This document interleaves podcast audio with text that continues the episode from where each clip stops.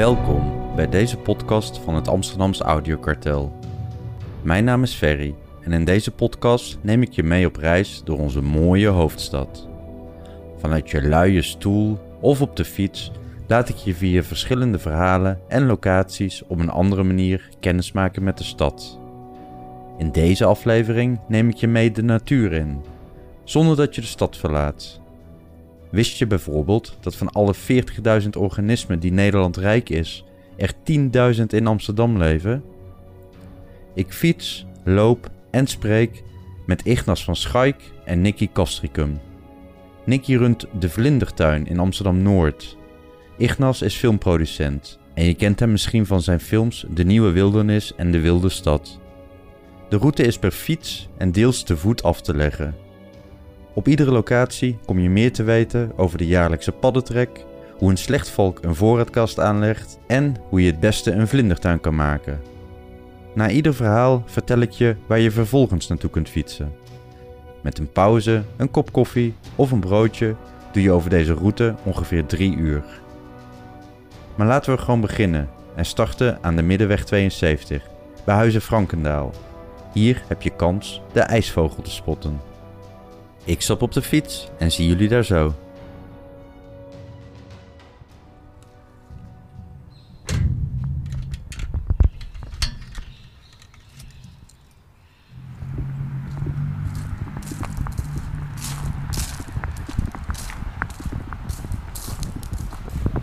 Wij zijn aangekomen bij Huizen Frankendaal aan de Middenweg 72. Een prachtig 17e-eeuws buitenhuis met een nog mooiere park en tuin eromheen. Ik heb hier afgesproken met filmproducent Ignas van Schaik. Toen ik zojuist mijn fiets parkeerde, zag ik Ignas al zitten op het bankje voor het landhuis. Wij gaan ook even zitten en ik ga met Ignas in gesprek. Ik wil je uitnodigen om ook plaats te nemen en te luisteren naar dit gesprek voordat we zo op zoek gaan naar de ijsvogel. Ignas, welkom. Dankjewel. Kan je me vertellen waar je passie voor de natuur vandaan komt? ik ben uh, geboren en getogen in Amsterdam. En had eigenlijk al van jongs af aan een fascinatie voor de natuur. In de tijd dat ik klein was, werd net de, de ring A10 aangelegd. Dan had je zo'n fantastisch mooi talut lag daar toen. Waar je in de winter met je sleetje vanaf kon gaan. Maar zomers was het een soort, een soort wild gebied waar je van alles kon ontdekken. Dus als klein jongetje was ik eigenlijk al gefascineerd door natuur en natuur in de stad. Maar eerst wat zijwegen bewandeld als uitgever van professionele informatie bij uitgeverijen als STU en Kluwer en, en andere partijen. Maar op een gegeven moment toch juist die fascinatie voor natuur eigenlijk verbonden aan mijn werk. En het leek veel mij erg leuk. Dus ik ben zo stap voor stap eigenlijk vanuit de uitgeefwereld de filmwereld ingerold. En in de rol van producent. En producent moet je zien als iemand eigenlijk een beetje manager van alles. Je regelt niet alleen organisatorisch, maar ook financieel. Je denkt mee over de inhoud de, natuurlijk de verkoop van je film, promotie, marketing. En dat vind ik juist ook wel leuk eigenlijk. En alle onderdeeltjes die ik ooit heb geleerd in andere beroepen, kan ik nu mooi toepassen in mijn, uh, mijn vak als producent. Uh, ik, ik, weet op een gegeven moment werkte ik, ik voor inderdaad wat ik zei in de professionele wereld. En ik wilde toch die, juist die consumentenwereld in. En toen ben ik gaan werken voor een grote filmdistributeur, Dutch Filmworks. En werd ik eindverantwoordelijk voor de non-fictie afdeling. En zo kwam ik eigenlijk ook in aanraking met merken als National Geographic, BBC, Discovery Channel. En toen was het nog vooral eigenlijk hun beste producties uitzoeken en in Nederland uitbrengen. En we zijn toen langzaam zeker vanuit Dutch Film ook zelf producties gaan maken. En zo ben ik eigenlijk in het vak gerold en dacht ik van dat is toch erg leuk eigenlijk als je een idee hebt en je kunt het ook realiseren. En ik vind bewegend beeld vind ik gewoon een fantastisch medium om verhalen te vertellen. Je merkt ook natuurlijk dat we in deze tijd, zeker ook jongeren, maar ook, ook oudere mensen, heel erg gericht zijn op beeld. En dan is het ook wel leuk als je dat op die manier kunt vertalen naar met name het grote scherm, het bioscoop. Want wat wij doen is eh, vooral gericht eigenlijk op bioscoop. Omdat we vinden dat televisie is een mooi medium, maar het is wel heel erg vluchtig en heel erg massaal.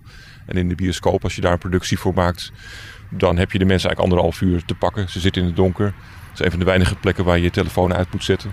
En dus je kunt daar echt je kunt de tijd nemen om een verhaal op te bouwen en mensen mee te nemen in een vertelling. En ze ook iets mee te geven wat impact heeft. En dat merk je ook wel als we ja, reacties terugkrijgen van mensen die naar onze film zijn geweest. En het onderwerp natuur, dus wat ik zeg, is al van jongs af aan een fascinatie van mij geweest. En ik vind ook wel, het is een onderwerp waar je heel veel mee kunt. Maar wat ook wel impact heeft, omdat je merkt als je blogs leest of je ziet verhalen of, of andere dingen, dat mensen die natuur ongelooflijk belangrijk is eigenlijk voor mensen. En dus ik vind het wel leuk om daar op, op dat onderwerp eigenlijk ook te werken en daar ja, verhalen te vertellen. Ja, snap ik. En Engeland heeft natuurlijk de BBC met David Attenborough, een ontzettend gevestigde organisatie met een hele lange traditie en een enorm hoge standaard. Hoe gaat het maken van een natuurdocumentaire in Nederland en zijn werk? Nou, toen wij in 2010 begonnen met de Nieuwe Wildernis, dachten we van nou, we gaan een film maken. Dus we gaan naar het Filmfonds toe om te vragen of zij dat wilden ondersteunen. En we zijn daar langs geweest, maar die zeiden van ja, daar geloven we eigenlijk niet in. Dus dat is een hartstikke leuk idee. Vooral heel veel succes, maar wij gaan dat als Filmfonds niet eh, ondersteunen. En je moet je voorstellen dat in Nederland 95 of 99 procent van alle filmproducties die worden gemaakt, die worden door het Filmfonds ondersteund. Je gaat naar ontwikkelaanvragen, realisatie en allerlei regelingen kun je gebruik van maken om jouw productie te realiseren. Dus wij stonden eigenlijk met lege handen toen om te kijken hoe gaan we deze ambitie waarmaken. Dus we zijn toen ook al eigenlijk al gedwongen op een hele andere manier te produceren.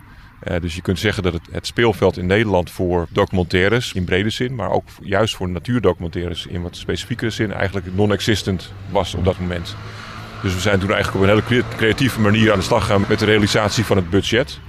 En we hadden het geluk dat, dat er een paar particuliere investeerders waren die zeiden: We hebben een warm hart voor de natuur en we vinden het belangrijk dat deze film wordt gemaakt. Dus wij ondersteunen dat ook. En zo hebben we eigenlijk met crowdfunding, met sponsorship, met subsidies, met allerlei eh, creatieve ideeën hebben we eigenlijk het budget ook weten te dekken. Maar dat was wel exceptioneel eigenlijk, want dat gebeurt bijna nooit in Nederland. En het leuke is eigenlijk dat we, wat jij zei van BBC heeft een traditie dat we ook sinds die, die tijd ook wel weer een traditie aan het opbouwen zijn. Hè, met de films die wij gemaakt hebben. Maar er zijn ook andere makers die producties hebben gemaakt. Dus het is wel meer een standaard geworden in Nederland ook. Of een, er zijn ook jonge makers die ook hebben gezegd, nu van mijn ambitie is gewoon om natuurfilmer te worden. Dat was voor 2010 ook niet iets wat je, wat je thuis moest eh, roepen. Dus je ziet, wel, je ziet die cultuur wel ontstaan in Nederland. En dat is wel erg leuk inderdaad. Maar het staat nog in de kinderschoenen. En nou ja, we zijn nu een kleine tien jaar verder. En het Filmfonds eh, draagt nog steeds niks bij eigenlijk aan die producties. Dus, dus daar slapen ze nog een beetje. Maar je merkt wel dat ja, de erkenning daarvoor is wel ja, uh, gaande, zeg maar. Dus dat is wel mooi.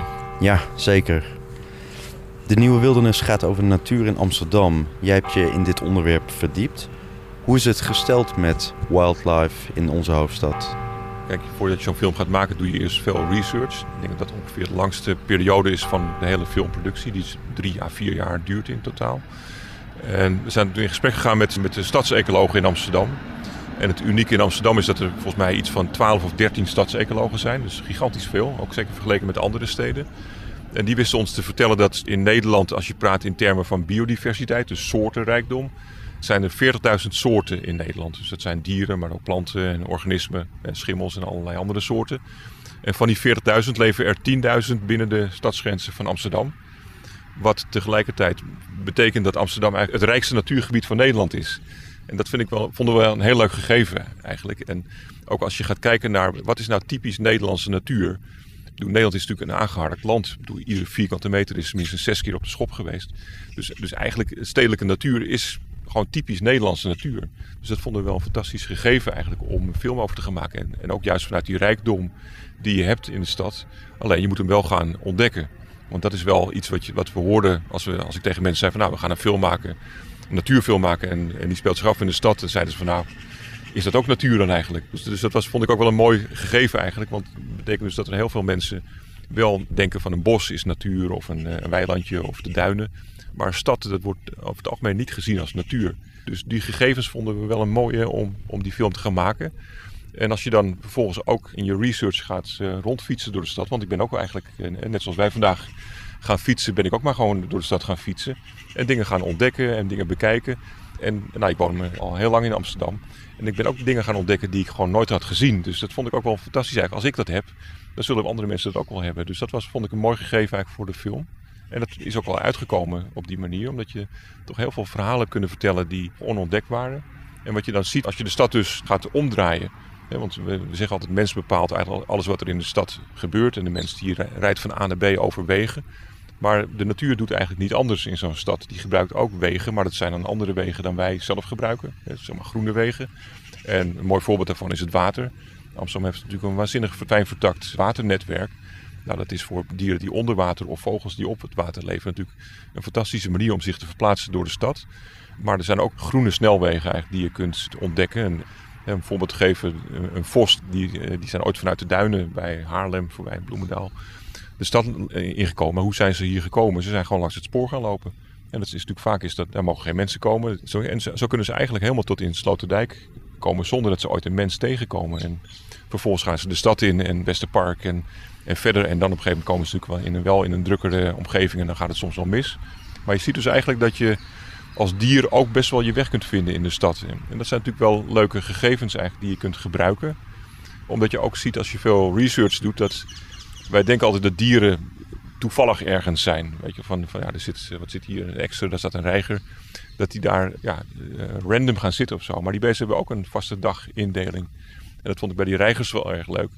Die, die beginnen gewoon s ochtends om 9 uur bij de Pelikanenvijver in Artes. Want er worden die pelikanen gevoerd. Uh, pikken ze een visje mee. Vervolgens gaan ze even naar de Dappermarkt. En vliegen ze door naar een oud vrouwtje in Amsterdam-Oost. Die, die ze iedere dag voert. En zo gaan ze eigenlijk de hele dag door de stad heen. Dus op een gegeven moment kun je het ook omdraaien. Als je die research hebt gedaan, dan kun je dus ergens gaan staan. En dan weet je, over 10 minuten komen die reigers eraan. Dus dat vond ik ook wel erg leuk. Dat je dingen dus in structuren kunt gaan vertalen.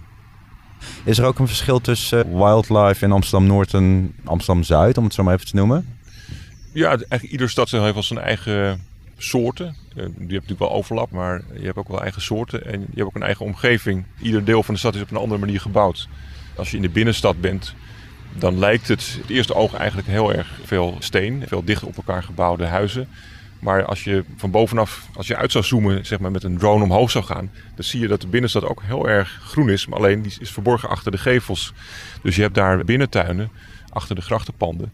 En dat zijn eigenlijk kleine ecosysteempjes waar heel veel soorten leven. Alleen dat, dat zie je dan niet. En dat is, dat is anders dan bijvoorbeeld in Amsterdam-Noord waar je veel meer groen hebt, uh, veel meer ruimte eigenlijk tussen de stedelijke omgeving. Zeker de, de uitbreiding van Amsterdam-Noord in de jaren 50, 60, 70 zijn, waren natuurlijk flats met heel veel groen ertussen. Dus daar zie je alweer een heel andere natuur, zeker in de vegetatie, maar ook in de soorten die je daar hebt. Om een voorbeeld te geven, je hebt in Amsterdam-Noord hebben we voor de Wilde Stad de meervleermuis gefilmd. Dat is een vrij grote vleermuissoort. Die hangt met name in spouwmuren van gebouwen.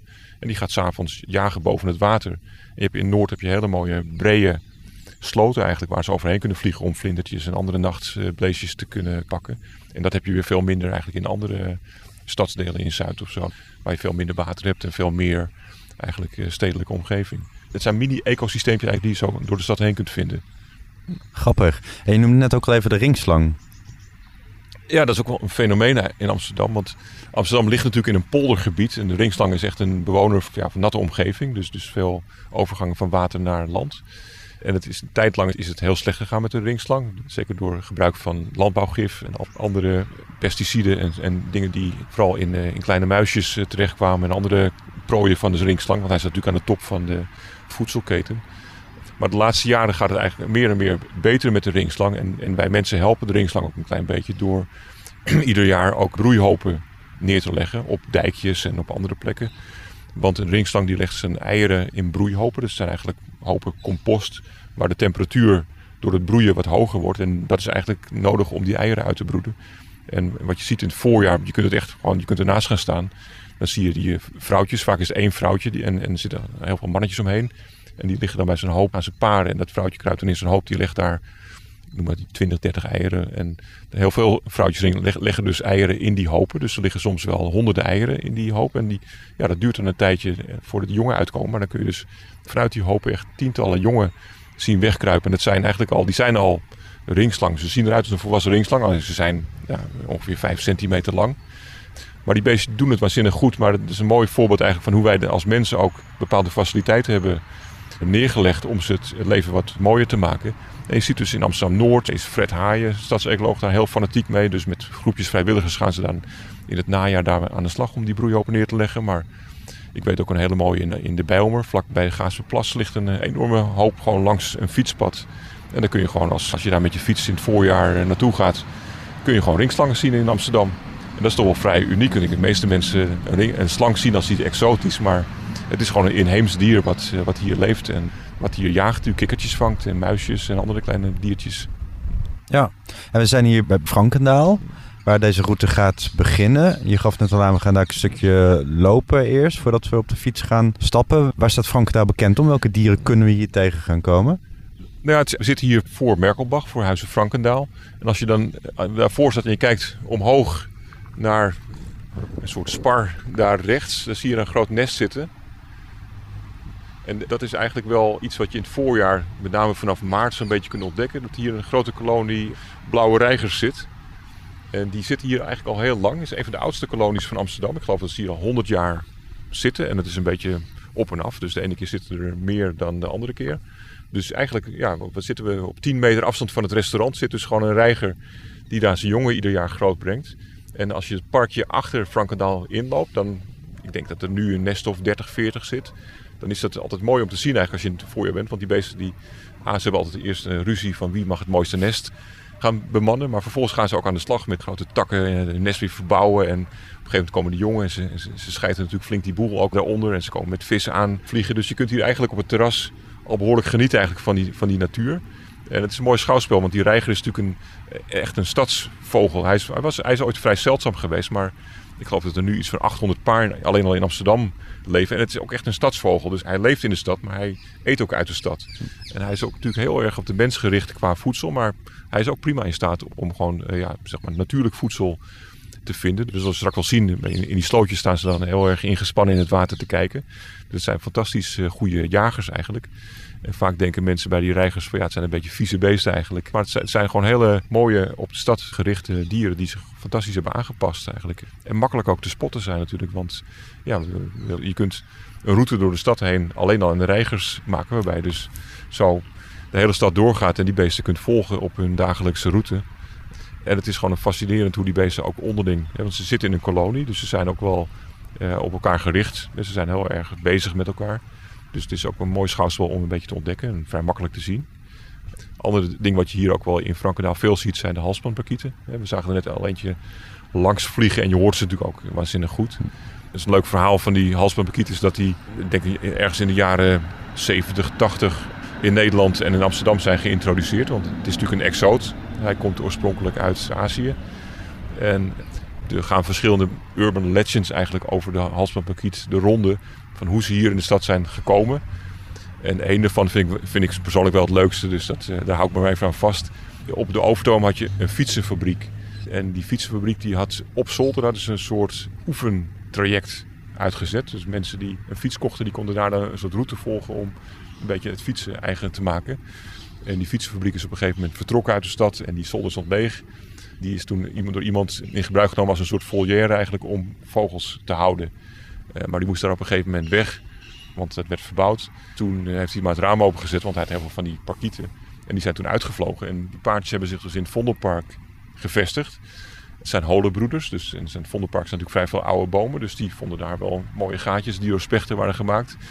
En anders dan de meesten denken, het zijn geen dieren die afhankelijk zijn van hoge temperaturen. Ze leven ook in India of andere uh, landen op, vrij grote hoogte en uh, kunnen ook prima de kou overleven. En de eerste jaren zijn ze gewoon gevoerd door mensen uh, die aan het Vondelpark wonen. Die vonden het wel leuke vogeltjes. En zo zijn ze eigenlijk stap voor stap zich gaan uitbreiden. Want ze hadden niet echt een concurrentie in het ecosysteem. En ze vonden die stadsparken in Amsterdam wel leuk. Dus zo langzaam maar zeker zijn ze eigenlijk ja, super succesvol geworden eigenlijk. En het zijn super intelligente beestjes. En super luidruchtig. Je hoort ze altijd wel aankomen.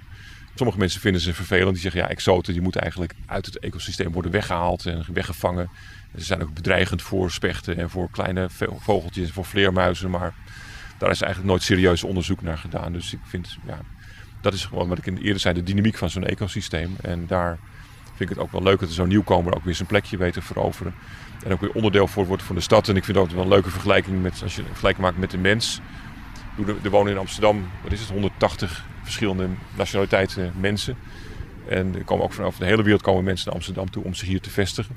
En die worden ook onderdeel van de stad. Nou, zo gaat het met de natuur ook. Er komen steeds weer nieuwe dieren bij die ook weer onderdeel van die stad worden. Die hun plekje moeten vinden. En uiteindelijk weer ja, niet anders zijn dan uh, ook maar gewoon een bewoner. Heel mooi gezegd. Ja, ja. Wij staan met ons gezicht richting Huizen Frankendaal. En we laten de fiets hier even staan. We lopen over het grind naar links het bos in. Ja, precies. En daar gaan we op zoek naar.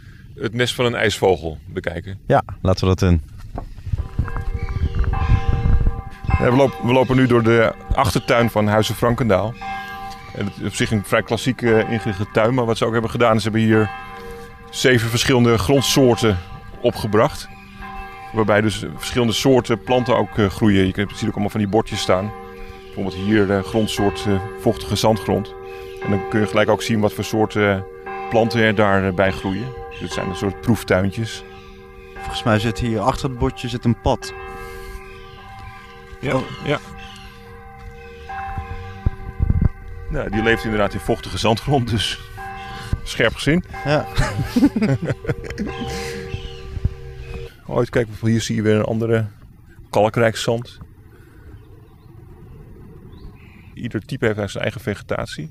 Dus het is wel leuk dat je op een hele kleine schaal eigenlijk een aantal verschillende biotopen kunt uh, ontdekken. En met name dan de plantensoorten. Ik denk niet dat dieren daar notie van hebben, maar juist eigenlijk die planten die je ziet, dat dat een verschil is.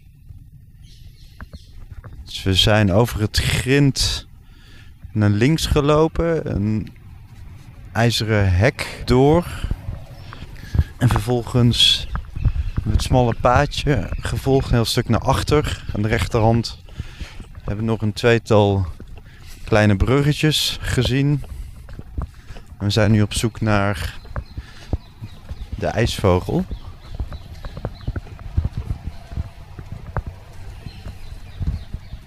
We staan nu bij een slootje. Als je daar naar de overkant kijkt, dan zie je daar een stukje steile wand. Oh ja. Met twee gaten erin. Ja. En een tak ervoor.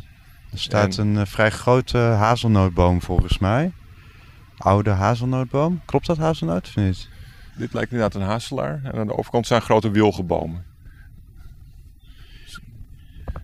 En dan zien we in het water zien we een blauwe reiger. Ja, op een drijvend stukje hout. Die is aan het vissen.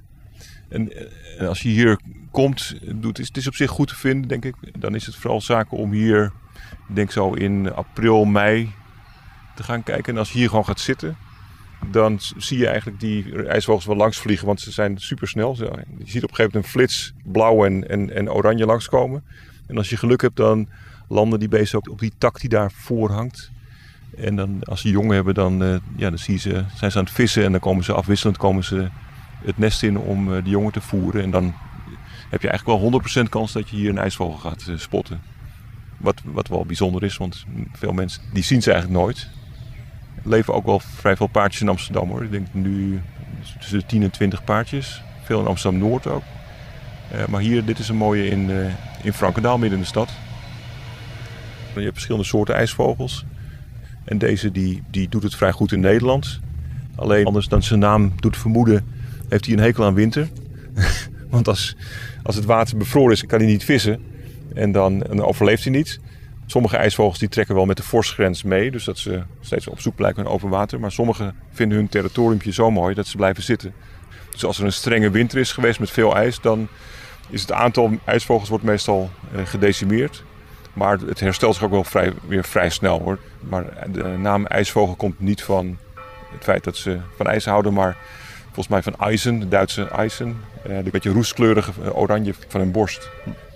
Ze graven eigenlijk een, een holletje diep de grond in. Dus vandaar dat ze eigenlijk altijd op zoek zijn naar steile wandjes die boven het water zitten. Want dan kunnen ze makkelijk aanvliegen. En het is ook redelijk veilig natuurlijk. Want je, je hebt geen ratten of andere dieren die jouw eitjes komen stelen. En wat je vaak ziet is dat als een boom naast het water staat en hij valt om en die hele wortelkluit die kantelt, dan heb je natuurlijk een ideale steile wand bij het water. En dat is voor, voor die ijsvogels vaak een hele mooie plek om een nest uh, te bouwen.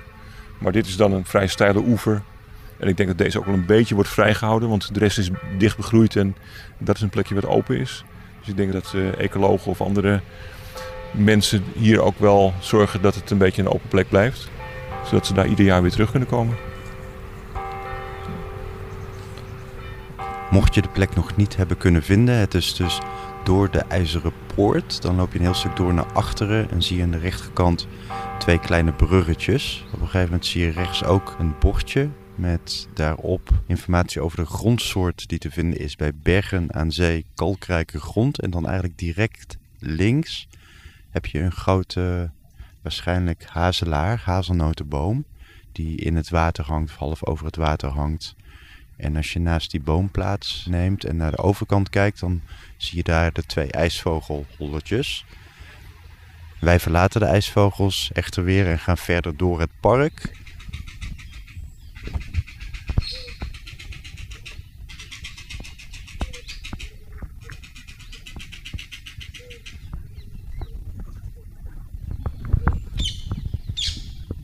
Aan de linkerkant komen we nog langs een grote wilde vijver met wat wilde begroeiing. We zien hier wat reigers overvliegen. Wat waterhoentjes, meerkoetjes. Ook op nog een reiger.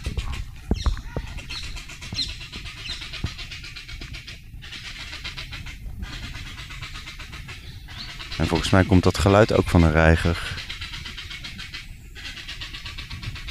Er staat hier een reiger voor ons in het water op zoek naar vis. We lopen nu weer, de, nu komen we de achterkant van Frankendaal uit. Ja.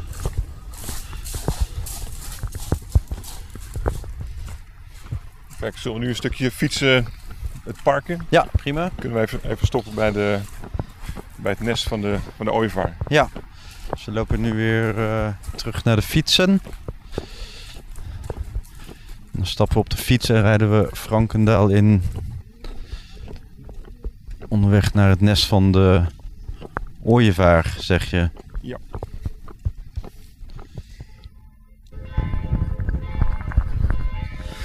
Wij zijn door Frankendaal gefietst richting het hek van de stadstuinen, waar we ook eventjes gestopt zijn. Vervolgens zijn we weer omgedraaid en zijn we linksaf gegaan, zodat we achter de kas doorfietsen. En achter de kas zien we twee schoorstenen staan. En op een van de schoorstenen zit ook op dit moment een ooievaar. Ja, klopt. Dit is een van de oudste ooievaarsnesten van Amsterdam. Want Frankendaal was oorspronkelijk een stadskweektuin. Dus hier werden de plantjes verbouwd eigenlijk die elders in de stad werden uitgeplant. En de kas is dan nog een soort overblijfsel van die kas, hoewel die allemaal is verbouwd. Maar ze hebben de schoorstenen laten staan van het oude ketelhuis. En dat is natuurlijk een mooie hoge plek, dus, dus daar is een nest op gezet. En dat is al behoorlijk een aantal jaar geleden is daar een ooievaar zijn nest, die heeft dat in beslag genomen. En als je nu omhoog kijkt, dan zie je één jonge ooievaar zitten. Want zijn snavel is nog een beetje ongekleurd eigenlijk. En die wordt later wordt die oranje-roodachtig. Volgens mij had hij dit jaar twee jongen. En ze krijgen eigenlijk ieder jaar wel een aantal jongen. En die blijven nog vrij lang op het nest zitten. Maar die ouders die zijn eigenlijk voortdurend op pad en die komen af en toe nog terug. Eigenlijk moet hij gewoon van het nest af, dat uh, jong. Maar het is heel leuk dat je hier op een grasveld staat waar van alles gebeurt. En zo'n ooievaar die zit daar gewoon midden tussen. En af en toe zie je die ooievaar gewoon tussen de zittende groepjes mensen heen lopen eigenlijk. Om een beetje te kijken of er wat, wat voedsel te vinden is. En die ooievaar is wel, wel een mooi symbool voor de stad, eh, vind ik zelf ook. Want inmiddels heb je behoorlijk wat paardjes zitten. Heel bekend is natuurlijk in het Vondelpark. Je zit in het Amstelpark en je hebt zo eigenlijk door de hele stad heen wel vogels uh, zitten. En er is ook een behoorlijke concurrentie voor nestplaatsen. Dus mensen helpen dit vaak zo om, om zo'n situatie te creëren waardoor ze ook een nest kunnen bouwen. En wat je wel leuk is op dit soort warme dagen, vandaag wordt het 30 graden, is dat die natuurlijk bloedheet is op zo'n nest. En dat af en toe ook die oude vogel komt, die heeft een wat water getankt in een slootje en die besprenkelt ook die jongen dan met water om ze een beetje koel te houden. Dus dit is een plek waar je lekker in het gras kunt gaan liggen en een beetje die ooievaars kunt bekijken en het gedrag van die beesten. We zijn nu in augustus, dus ze zijn al behoorlijk groot, dus ze gaan echt ieder moment gaan ze ook uitvliegen. En sommige van deze ooievaars die blijven gewoon in Nederland. Maar er zijn ook wel een aantal die, die ook wel weer naar het zuiden vliegen en daar overwinteren en dan weer terugkomen. En vaak claimen ze dan ook hetzelfde nest. Ooievaars die zijn in principe monogaam. Dus die komen ook altijd wel met hetzelfde paardje komt terug en proberen ook weer hetzelfde nest Dus je ziet ook dat ja, die ooievaars krijgen op een gegeven moment misschien ook wel een naam. Ik weet dat in, in het Vondelpark is een, een ooievaar die heeft een beetje een manke poot. Dus die heet een manke Nederlands volgens mij. Dus die krijgt altijd wel in de volksmond mooie bijnamen. Maar het leuke hiervan vind ik dat die beesten ook, ja, het is super bereikbaar. Je weet dat ze op die plek zitten en het, het heeft wel iets fascinerends vind ik, dit soort vogels. En, en dit is leuk omdat het gewoon in midden in de stad is en die beesten ook hier leven. We hadden het eerder over de blauwe reiger. Die eet ook uit de stad. En die ooievaars die zie je toch vaker meer in de weilandjes om de stad heen. Waar ze dan op kikkertjes of andere kleine diertjes uh, jagen. Dus die hebben iets meer ruimte nodig denk ik. En iets meer traditionele groene natuur om hun uh, voedsel te vinden. Ooievaars die komen dan op het nest terug, ik denk in april, soms al veel eerder. Want er is natuurlijk wel een sterke concurrentie. Dus soms is er een andere ooievaar die denkt van nou, is een mooi plekje. En er is nog niemand, dus ik ga daar lekker zitten. En dan komt de ooievaar terug die er eigenlijk ieder jaar broedt. Dus dan krijg je ook al wat strijd. Die mannetjes die komen dan vaak vrij vroeg terug en dan die vrouwtjes wat later. Maar de beste maanden, zeker als ze op eieren zitten en ze krijgen jongen, dat is toch al mei, juni, juli. Dan heb je echt, zeker hier in Frankendaal, maar ook in het Vondelpark, heb je een fantastisch uitzicht eigenlijk op zo'n nest. En dan komen die ouders ook aanvliegen met eh, allerlei voedsel, worden ze gevoerd. En zo kun je eigenlijk het proces van het opgroeien wel volgen. En ik denk dat nu, zit nu in augustus, dat, dat die ouders maar heel weinig komen. Want op een gegeven moment willen ze gewoon dat die jongen weggaan. Dus nou, hoe bereik je dat door ze gewoon geen voedsel meer te geven? Dat ze op een gegeven moment denken van nou, er is niks meer, dus ik ga maar weg. Heel leuk. Ja, ga Yes. verder. We gaan verder. Dan pakken wij weer de fiets en gaan wij naar het Oosterpark. We stoppen daar bij de ingang aan de kant van het OLVG. Wij zien jullie daar zo.